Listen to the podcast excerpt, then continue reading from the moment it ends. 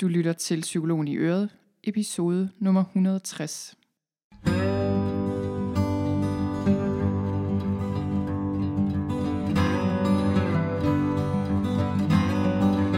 Velkommen til Psykologen i Øret. Jeg er psykologen Birgitte Sølstein, og Øret, det er dit.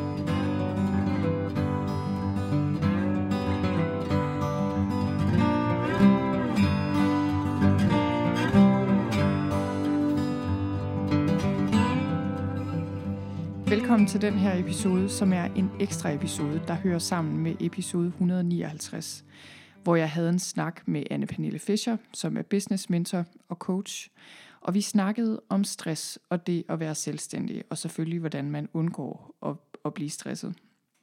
Og den episode, den kan jeg anbefale, du hører først, hvis du ikke allerede har hørt den. Der får du Anne Pernilles egen historie, der blandt andet handler om, at hun gik ned med stress for en del år siden, og hvordan hun byggede sit arbejdsliv op igen som selvstændig. Og så får du konkrete råd til, hvordan du selv kan undgå stress, hvis du er selvstændig. Og det er altså en episode, jeg virkelig kan anbefale dig at lytte til. Og også lytte til først, inden du hører med her. Fordi det her, kan man sige, det er sådan lidt en, en opfølgning, overbygning på den episode. Men i denne her korte episode, der snakker vi egentlig om samme emne, men med særligt fokus på corona. Fordi lige nu er der bare rigtig mange ting, der potentielt kan stresse os selvstændige. Og det vi snakker om her, det er, hvad vi kan gøre for at passe på os selv i den her situation.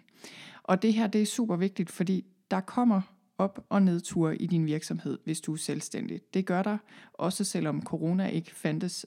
Så øh, før eller siden sker der et eller andet, hvor, øh, hvor man bliver presset. Og jeg har også selv været igennem og det kræver altså en del at stå igennem sådan en krise, hvad end det så er coronakrisen eller et eller andet andet, der sker i din virksomhed eller i dit liv. Og lige nu er der altså mange selvstændige, der er rigtig hårdt presset, så øh, hvis du er en af dem, så håber jeg, at du vil lytte med her og blive inspireret. Lad os hoppe over til samtalen. Hej og velkommen igen, Anne Pernille. Tak, Birgitte. Det her den her episode er jo sådan en ekstra episode, vi to laver i anledning af corona. Det er sådan ligesom for at fejre. Ja, ja. Eller? Eller ikke så meget. Men mere fordi øh, vi tænkte, altså vi snakkede sammen også, inden vi tændte for mikrofonerne her, at den her, det er jo bare en særlig tid for os alle sammen, og også som selvstændige er det en speciel tid.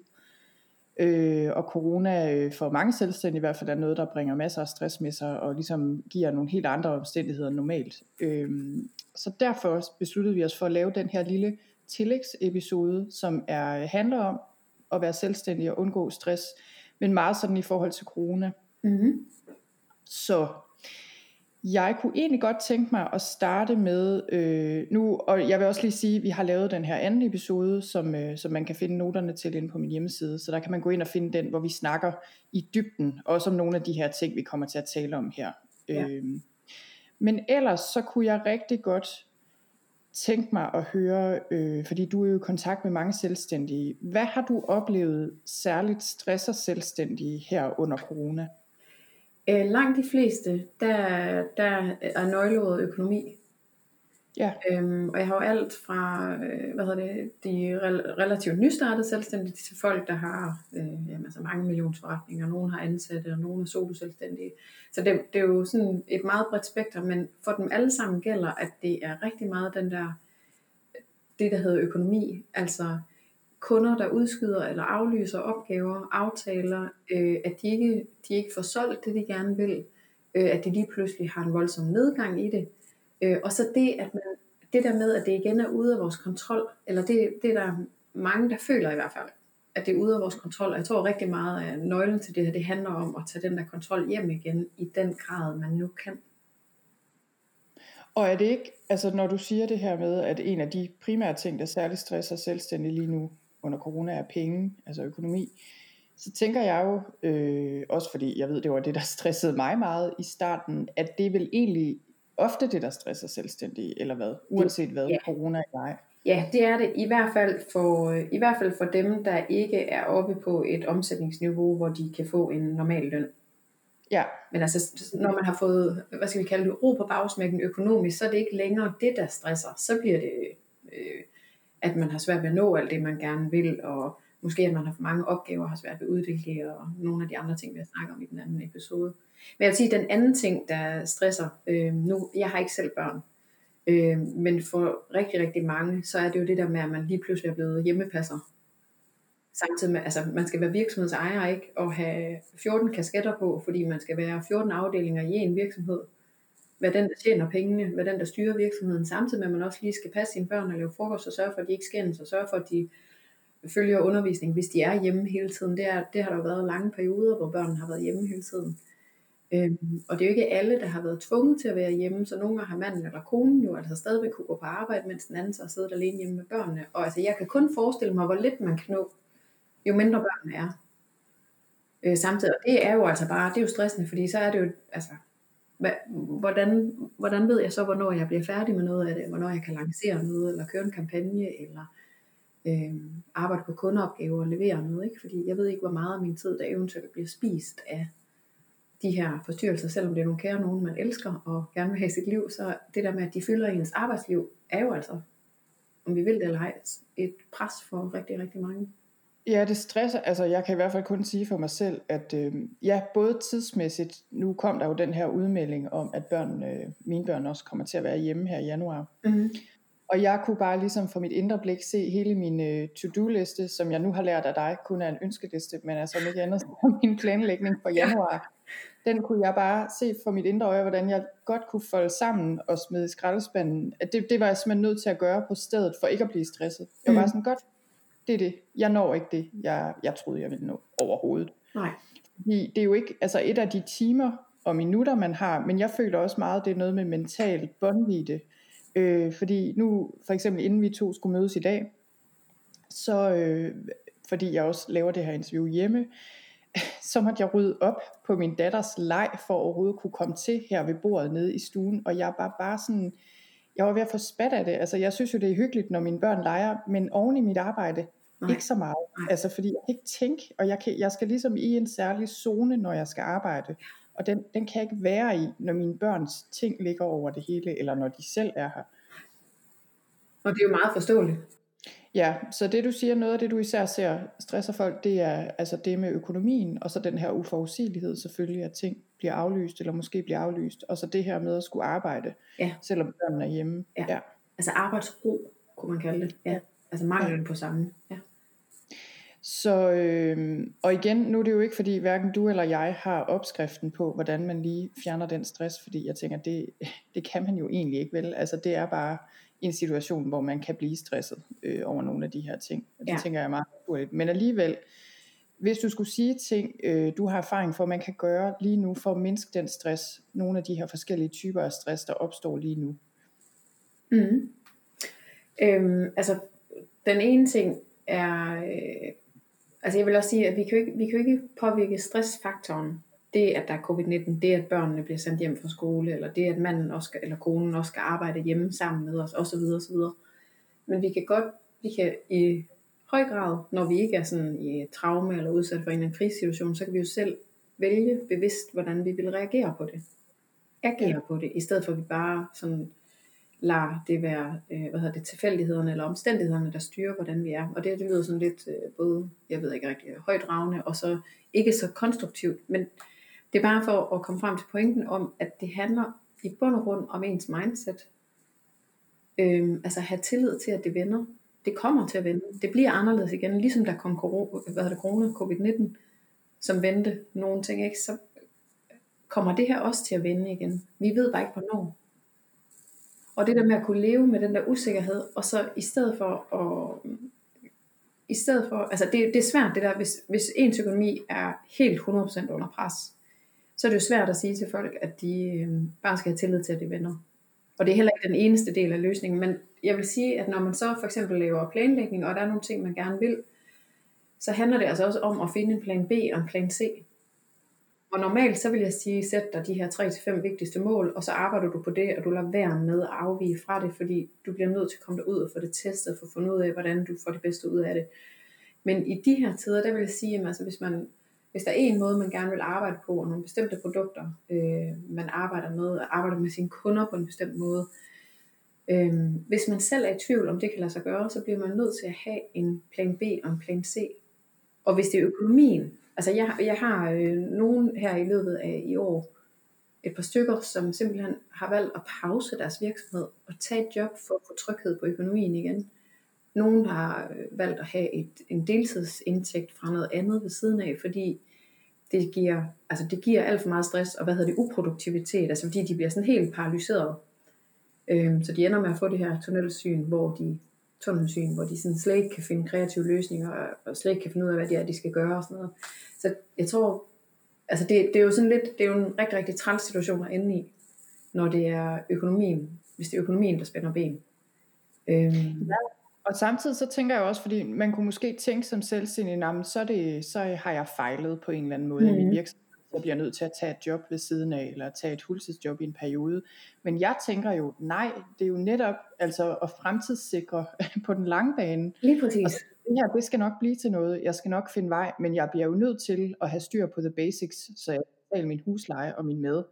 Og så, øh, ja, og så, så vender man tilbage på et tidspunkt til sin virksomhed, eller vender, vender fuldtid tilbage til sin virksomhed, hvis det, hvis det er fordi, man har valgt at få noget indtægt øh, ja. på en eller anden deltidsbasis. Det kan også være noget projekt for en stor kunde, eller ja. et eller andet, der giver en noget ro på bagsmækken økonomisk.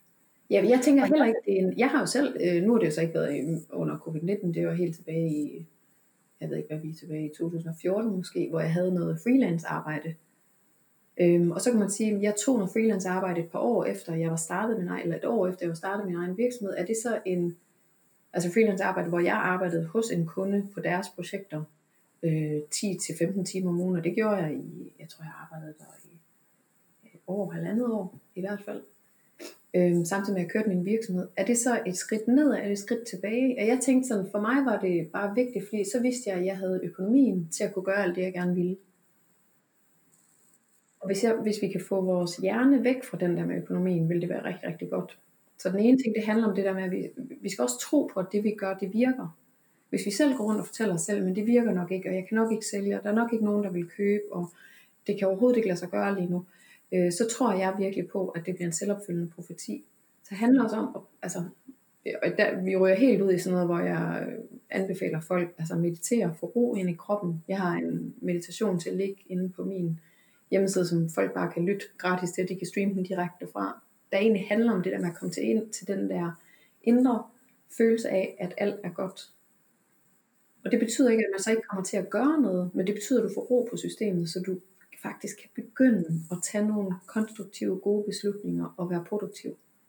Ja, og den, jeg kan lige sige, den linker vi til, øh, den linker vi til noterne til den her episode. Og jeg tænker egentlig også, altså når vi snakker om det her med økonomi, at det er jo meget svært at tænke kreativt øh, og være produktivt, hvis man bare er rigtig bange for ikke at tjene penge nok, og hvordan det skal gå med hele ens økonomi. Øh, også fordi for mange nystartede selvstændige i hvert fald, der er økonomien i virksomheden jo lige med den private økonomi. Altså ja. de to ting er to sider af samme sag. Og jeg kommer sådan til at tænke på, da jeg lagde mit arbejde om fra at være almindelig selvstændig psykolog til at arbejde på den her måde, der var det øh, ikke for sjov, det var fordi min søn var meget syg, mm. og jeg var selv blevet syg i den øh, proces, fordi ja. jeg var blevet overbelastet og alt muligt. Men det er en helt anden historie. Det var ikke lige corona, der satte en stopper for det, jeg egentlig troede, øh, jeg skulle. Men det kunne det jo lige så godt have været. Have været. Og jeg kommer sådan til at tænke på noget af det, der hjalp mig meget, det var, at vi satte os ned, altså mig og min mand, og simpelthen lavede en plan mm. for, hvordan det her skulle kunne lade sig gøre, hvis jeg ikke tjente ret mange penge i to år, eller jeg tror nok, vi tog et år ad gangen. Men ligesom, så i stedet for at vende ryggen til og bare tænke, oh nej, nej, nej, nu skal jeg bare skynde mig at tjene en masse penge, men, men ubevidst være så bange for, at det ikke kunne lade sig gøre inden for den tidsramme, så sige, godt så, der er en mulighed for, at jeg ikke kommer til at tjene ret mange penge. Hvad mm. gør vi? Mm. Så vi har en plan. Øh, det tog bare den stress væk. Det hjalp mig utrolig meget. Jeg var stadig stresset over det, men det, var, men det gjorde, at jeg kunne arbejde og ligesom gå i gang med at komme, i, komme hen mod et mål. Ja, jeg tænker også, altså, så er der noget af det her med at være, altså i den her situation, hvis det nu var mig eller dig, så handler det jo om at være kreativ og tænke ud af boksen. Altså hvad er, hvordan kunne man, hvordan kunne man skabe en indtægt? Mm. Og så ved jeg godt, at man rører også hurtigt ud i noget, hvor vi så skal ud af komfortzonen, fordi vi skal begynde at gøre noget, vi ikke helt ved, hvordan virker, og hvordan folk vil tage imod det. Men altså, der er, det er jo, altså, det handler lidt om, om hvad, hvad er man villig til at gøre, eller har man brug for den der sikkerhed økonomisk, og måske bliver nødt til at skabe den indtægt et andet sted fra. Øhm, og så vil jeg tænke, der, der er rigtig mange, de har, hvis, hvis man også har, hvis man har mange forskellige ting, man laver i sin virksomhed, så handler det også rigtig meget om at måske begynde at prioritere de, hvis det er økonomien i hvert fald, prioritere de ting, som faktisk er de indtægtsskabende aktiviteter. Altså hvad er det, der skaber økonomi? Øhm, så det er ikke sikkert, at, øh, hvad kunne det være? Altså, det kan være, at man holdt en masse kaffemøder, men det er ikke sikkert, at det er det, der skaber indtægt. Så det der med sådan at kigge på, hvordan bruger jeg egentlig min tid bedst på det, der er tættest på at skabe noget indtægt.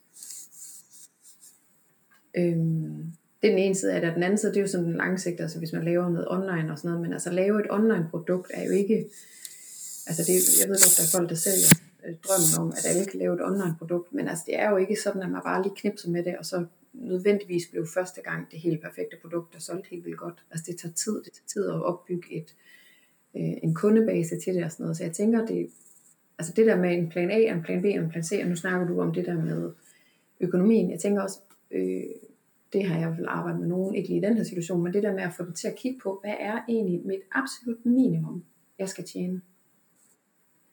Og har jeg nogle udgifter, jeg kan skære fra i en periode? Øhm, eller kan jeg, hvis det, hvis det er det, det handler om, altså er der nogen, der kan låne mig de penge, der skal til, for at jeg stadigvæk holder snuden oven vandet, og så må jeg jo betale af bagefter. Altså, der, der er jo mange måder at komme igennem det her på. Jeg tror, det handler i bund og grund om at få noget ro i systemet, sådan at man kan blive mere konstruktiv i forhold til de løsninger og det arbejde, man laver. Øhm, fordi vi, der, altså jeg er heller ikke god, hvis jeg er under pres og stress og er bange for ting og sådan noget, så jeg arbejder ikke særlig godt. Nej. Øhm. Nej, lige præcis. Jeg tænker faktisk, det er de færreste. Jeg ved godt, der findes nogle mennesker, der, der ja. kan arbejde på diæt på den måde. Jeg, har ikke, jeg kender ikke ret mange af dem. Nej, det er, jeg tror, det er en særlig slags. Ja.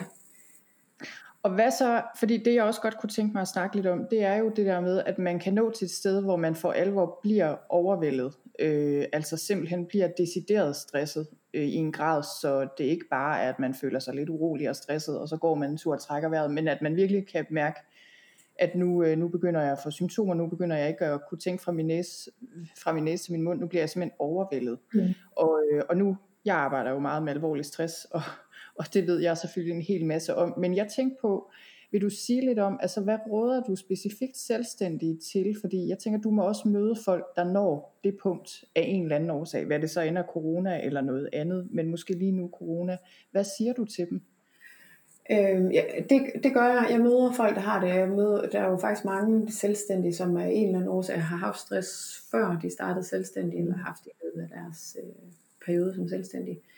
Øhm, jeg, jeg tænker, der, der er noget med det der med, at hvis man ikke, hvis man ikke tager det opløbet, altså stress, øh, hvis man bliver rigtig stresset, altså man ikke bare er presset i dagligdagen, men hvis man bliver rigtig stresset, øh, det kan du sikkert fortælle mere om, end jeg kan, men i bund og grund, når vi bliver rigtig stresset, så tager vi jo længere tid om at komme os, jo længere tid vi har været stresset.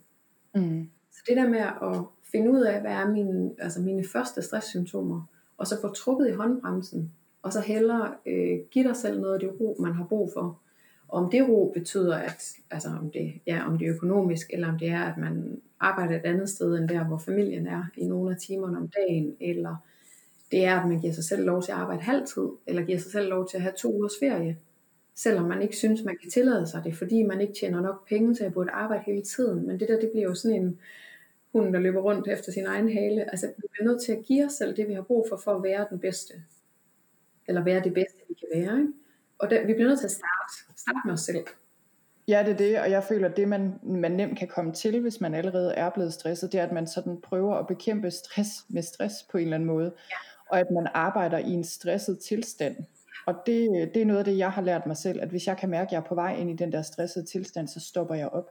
Ja. Jeg stopper simpelthen op. Øhm, og det, det er selvfølgelig nemmere at gøre efterhånden, som man lærer, at det kan godt betale sig, og, og man kan sige... Øhm, Det har måske også noget at gøre med, jeg kommer lige til at tænke på her, øh, fordi jeg også har oplevet det, jeg har oplevet med min søn, det pludselig, jeg gik fra at tjene en del som selvstændig psykolog til ikke at tjene noget, så gik det op for mig, hvor vigtigt det var at have en buffer i min virksomhed, altså, ja, og i vores privat. Ja.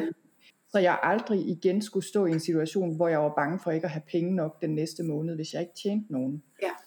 Og jeg ved godt, det er jo meget nemt for mig at sige, jamen det burde alle have. Det er jo sådan lidt, det, det, det har jeg jo kun, fordi jeg har lært det på den hårde måde. Ja. Øhm, og jeg tænker lige nu, er der andre, der lærer det på den hårde måde.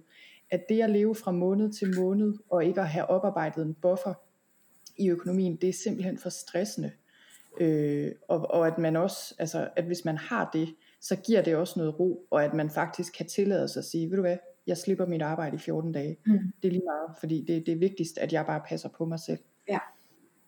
Og det kombineret med den der med, øh, som jeg sagde, det der med at vide, hvad er min, altså, hvad, kan jeg, hvad er det, det er absolut minimum, jeg kan leve for. Ja.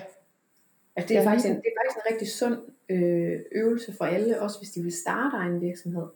Altså hvad er det minimum, jeg kan leve, eller vi kan holde til, at jeg trækker ind hver måned.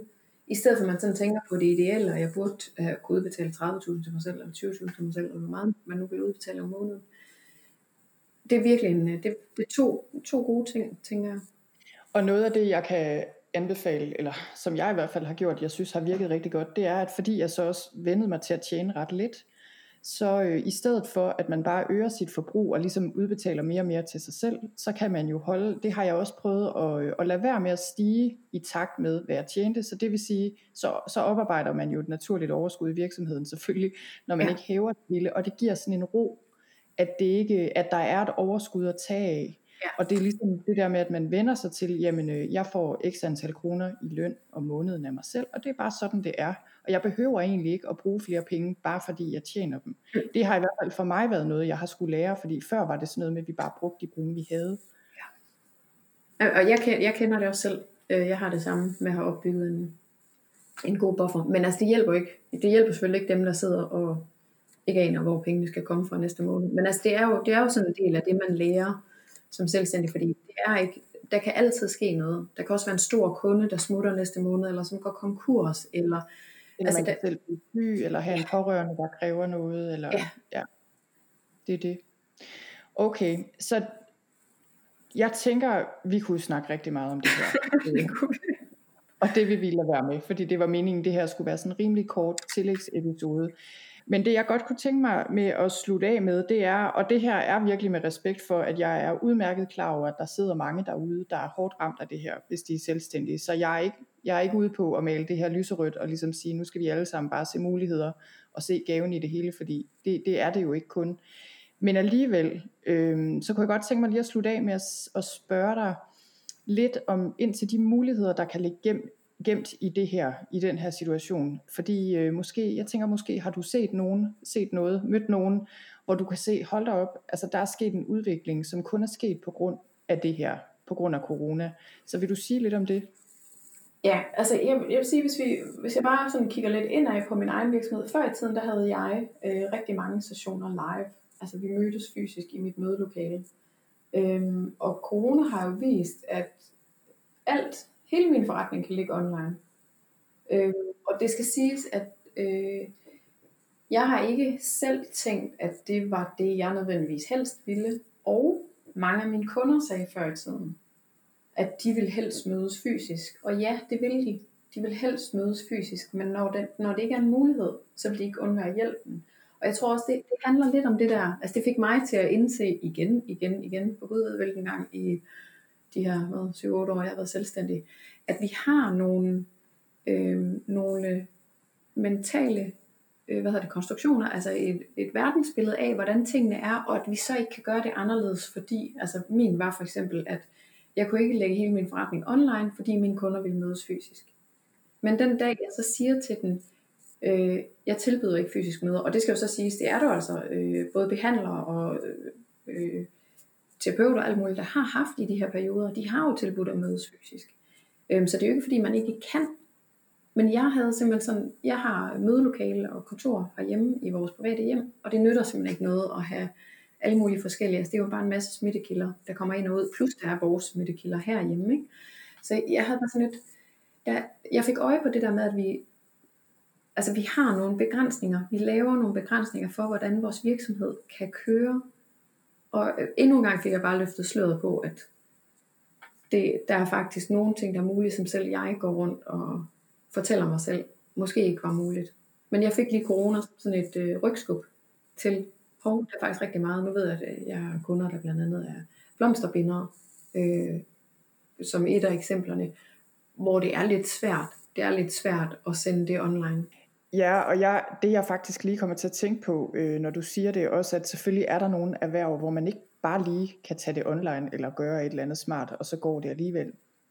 At øh, lige nu er det jo også vinter, nu hvor vi taler sammen, og hvor den her episode kommer ud.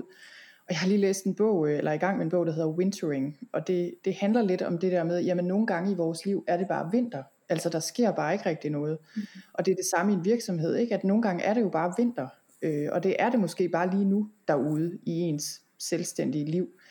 Og så er det noget med, hvad gør man så? Øh, og der, der tror jeg bare, at det bedste man kan gøre, det er det der med at prøve, selvfølgelig som vi også har talt om, at få overblik.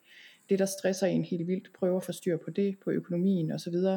Men så prøve også at give sig selv lov til, jamen det er vinter, jeg må godt bare slappe af. Altså lad være med at, at lave noget, hvis der alligevel ikke er noget at lave. Sidde under et tæppe, gå nogle ture, stole på, at det bliver forår igen, mm. ligesom du også siger, ikke? at det gør det jo. Øhm, så man på en eller anden måde alligevel udnytter tiden bedst muligt. Ja. Så med det, så vil jeg øh, igen sige tusind tak, fordi du vil være med. Jeg synes simpelthen, det har været så givende, både i den her episode og i den anden episode, vi lavede. Så øh, tusind tak for det. Det har været en fornøjelse at være med. Tusind tak, Birgitte. Og det var alt for nu. Jeg håber, du hørte noget, du kunne bruge til noget. Hvis du vil vide mere om Anne Pernille, så gå ind på hendes hjemmeside på annepernille.dk. Du kan også følge hende på Instagram, hvor hun hedder Anne Pernille Fischer. Det kan jeg anbefale dig at gøre. Jeg synes, de, øh, de ting, hun poster derinde, det er sådan nogle rigtig gode reminder, som jeg nogle gange selv bruger til lige at justere ind og huske på, når ja, hvad er det nu, der er vigtigt og mindre vigtigt. Og så vil jeg ellers bare sige tusind tak, fordi du lyttede med.